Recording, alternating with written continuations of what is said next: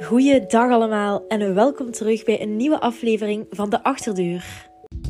De Achterdeur, de deur die altijd open staat voor literatuur. Ik ben Arjan Bouquillon en vandaag ben ik hier in het gezelschap van twee zalige dames, Bouke Blomme en Marie Baas.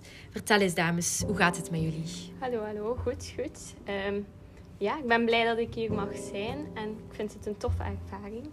Ja, voor mij ook. Ik ben zeer vereerd dat wij uitgenodigd waren en eh, ik kijk er zeer hard naar uit. Ja, ik ben ook heel blij om jullie hier te hebben. Ehm, ik stel voor dat wij nu beginnen.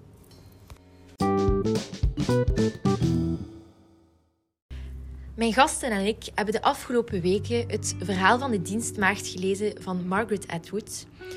Het boek, uitgegeven door Prometheus, is in 1987 voor de eerste keer gedrukt en is ondertussen al 29 keer herdrukt. Marie, de schrijfster Margaret Atwood, had je daar ooit al van gehoord? Of weet je daar een beetje meer over? Um, ik had wel al eens van haar gehoord, uh, maar dat was door mijn leerkracht Nederlands van vorig jaar. Um, maar voor de rest had ik eigenlijk, wist ik niet echt wie dat, dat was. Dus ik heb een beetje research gedaan voor vandaag. Um, dus Margaret Atwood is dus een Canadese uh, auteur. Um, en zij schrijft voornamelijk over belangrijke thema's zoals uh, feminisme, het milieu en dan verschillende ideologieën en de gevaren dat die meebrengen. ze wordt dus ook beschouwd als uh, de grande dame van de Canadese literatuur. Margaret Atwood werd geboren in Ottawa, in Canada in 19, uh, 1939. En uh, ze is best bekend voor dus het verhaal van de dienstmaagd, dat wij ook hebben gelezen.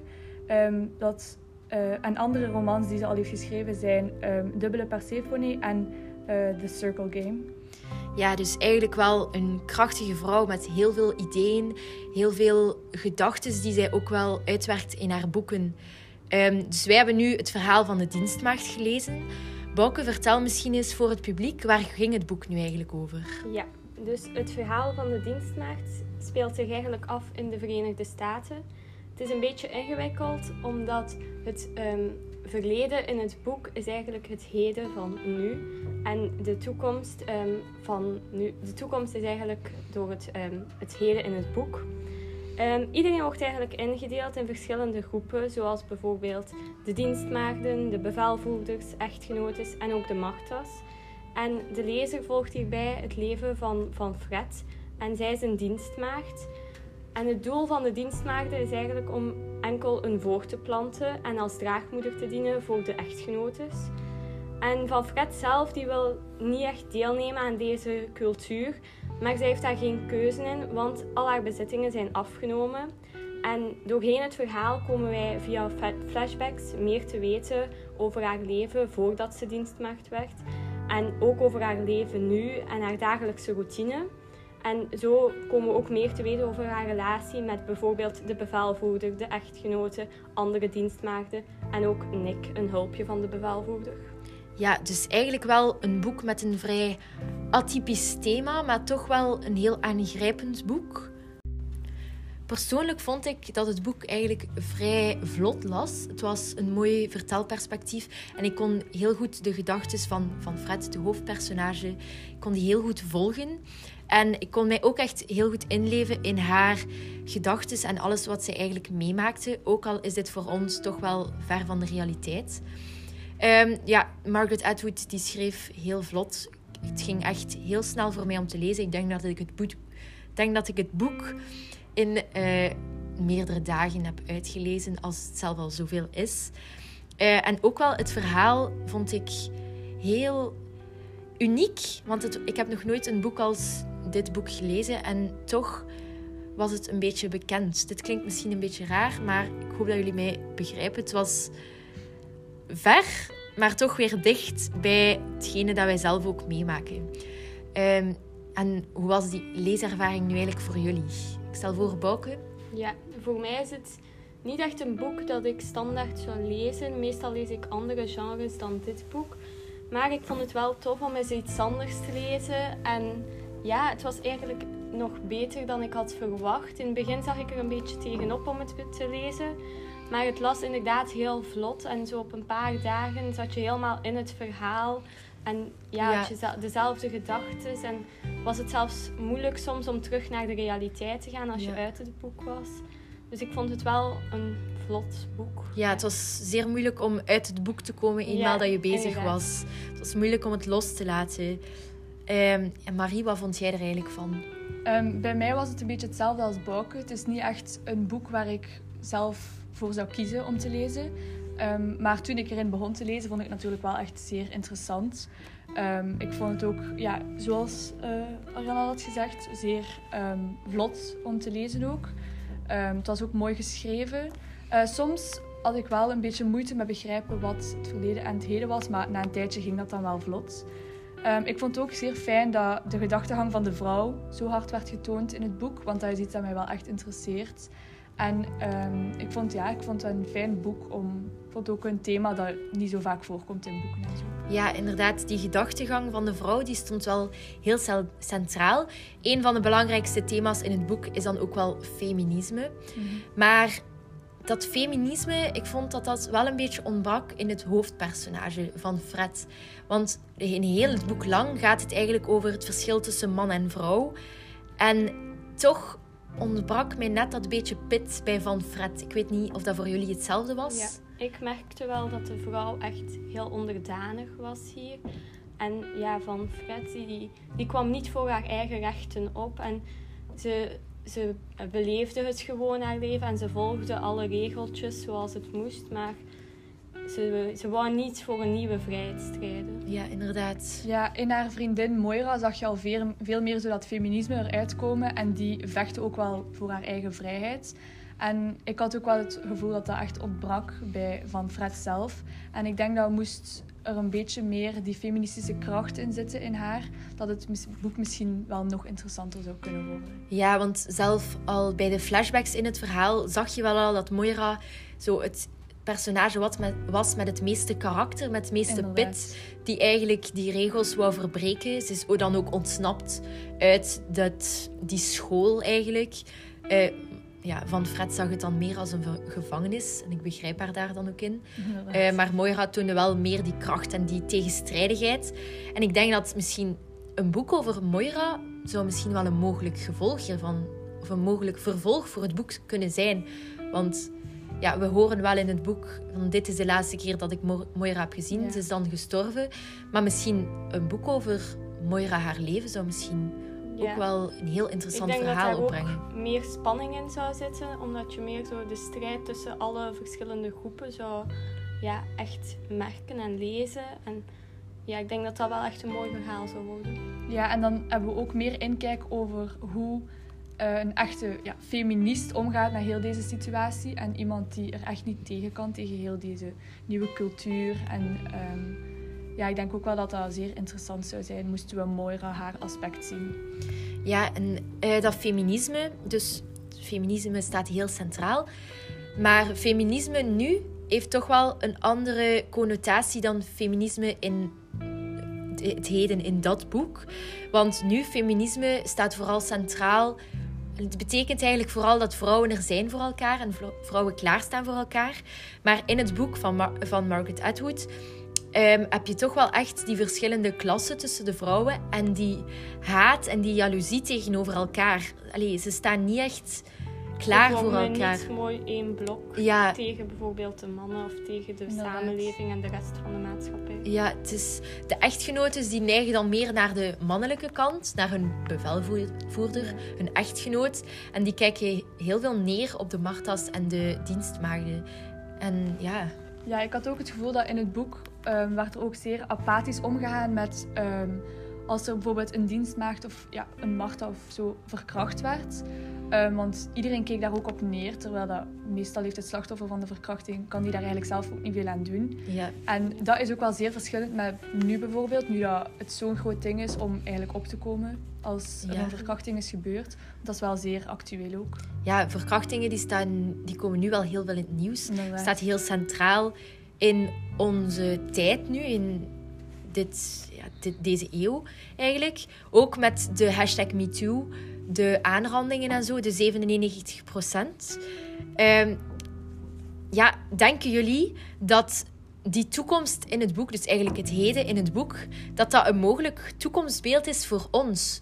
Want ja, die verkrachtingen die vinden nu ook wel plaats. Dus denken jullie dat er een revolutie zou komen waarbij al het seksuele verboden zou zijn en waar er echt de doodstraf staat op verkrachtingen en aanrandingen?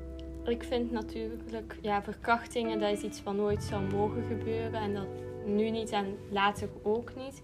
Maar ik hoop gewoon dat in de toekomst of zo, dat wij wel verkrachtingen meer bespreekbaar kunnen maken. Want ik denk dat we dat op dit moment ook wel doen. En dat, dat je, je niet het, als je het slachtoffer bent, dat je niet de schuld op jezelf mag steken. Want in het boek werd dit wel echt gedaan. Of ja, het, de schuld lag altijd bij het slachtoffer en niet bij de verkrachter. Wat ja, eigenlijk wel de schuld is van de verkrachter natuurlijk. Ja, inderdaad. De vrouw kunnen daar meestal niet aan doen. Soms is er wel... mannen kunnen natuurlijk ook verkracht worden, maar het gebeurt natuurlijk veel vaker bij vrouwen. Ik heb ook het gevoel dat, met, eh, omdat iedereen nu veel opener begint te spreken over ehm, ja, van alles en nog wat eigenlijk, vooral ook die uh, verkrachting, ook uh, feminisme en eigenlijk alles, denk ik dat het minder snel gaat gebeuren dat er ook ja, zeg maar zo'n macht komt die eigenlijk alles gaat stilleggen en die gaat zeggen van geen liefde meer, geen seksueel um, ja, contact meer en zo. Omdat er net, het gebeurt net meer en meer omdat mensen net meer vrijheid willen. Dus ik denk dat het momenteel een beetje moeilijk zou zijn, maar je weet nooit natuurlijk. Ja, en wij, nu wordt er ook veel gestreden voor de gelijkheid tussen man en vrouw. En in dat beeld van het boek was dat absoluut niet. De mannen hadden de macht, allee, de bevelvoerders, en daaronder had je dan alle vrouwen. Dus ik denk eigenlijk dat dat toekomstbeeld niet echt realistisch is. Gewoon omdat er geen gelijkheid is en die kracht van dat feminisme ontbreekt wel echt. Die, die bond tussen alle vrouwen. En ik zou mij ook niet kunnen echt voorstellen dat opeens onze bezittingen van de vrouwen worden afgenomen, want dat is wel in het boek gebeurd. En ja, ik denk dat wij als vrouwen nu wel echt veel meer voor onszelf gaan opkomen en echt één groot blok gaan worden.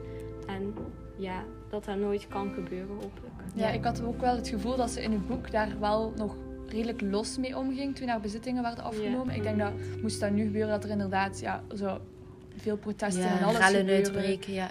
Ja, het zou totaal anders gaan, denk ik. Moest zoiets We zouden het niet gewoon accepteren dat dat gebeurt. Ja, inderdaad. inderdaad. En wat ik ook heel vreemd vond, was dat de vrouwen die onvruchtbaar waren, die werden dan weggestuurd naar de kolonies. Dit zou in het heden echt onacceptabel kunnen zijn. Allee, dat zou onacceptabel zijn. Um, veel vrouwen komen nu ook uit voor... Ja, ik wil geen kind of ik, ik kan geen kinderen krijgen.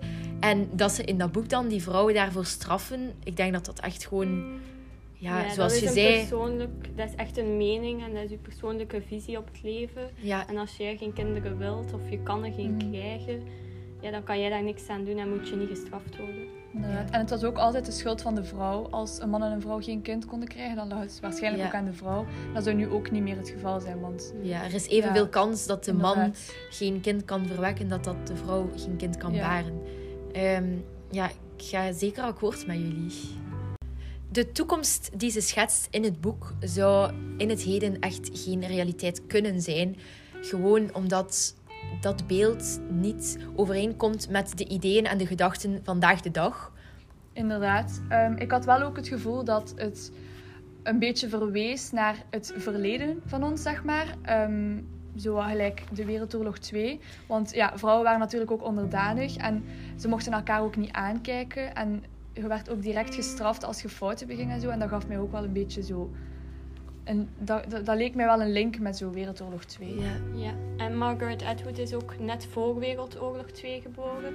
Dus waarschijnlijk weet zij daar zelf niets meer van, omdat zij nog klein was en nog jong was. Maar ik denk dat ze dat wel een belangrijke periode vindt om te vermelden. Zoals bijvoorbeeld ook Mayday wordt vermeld in het boek.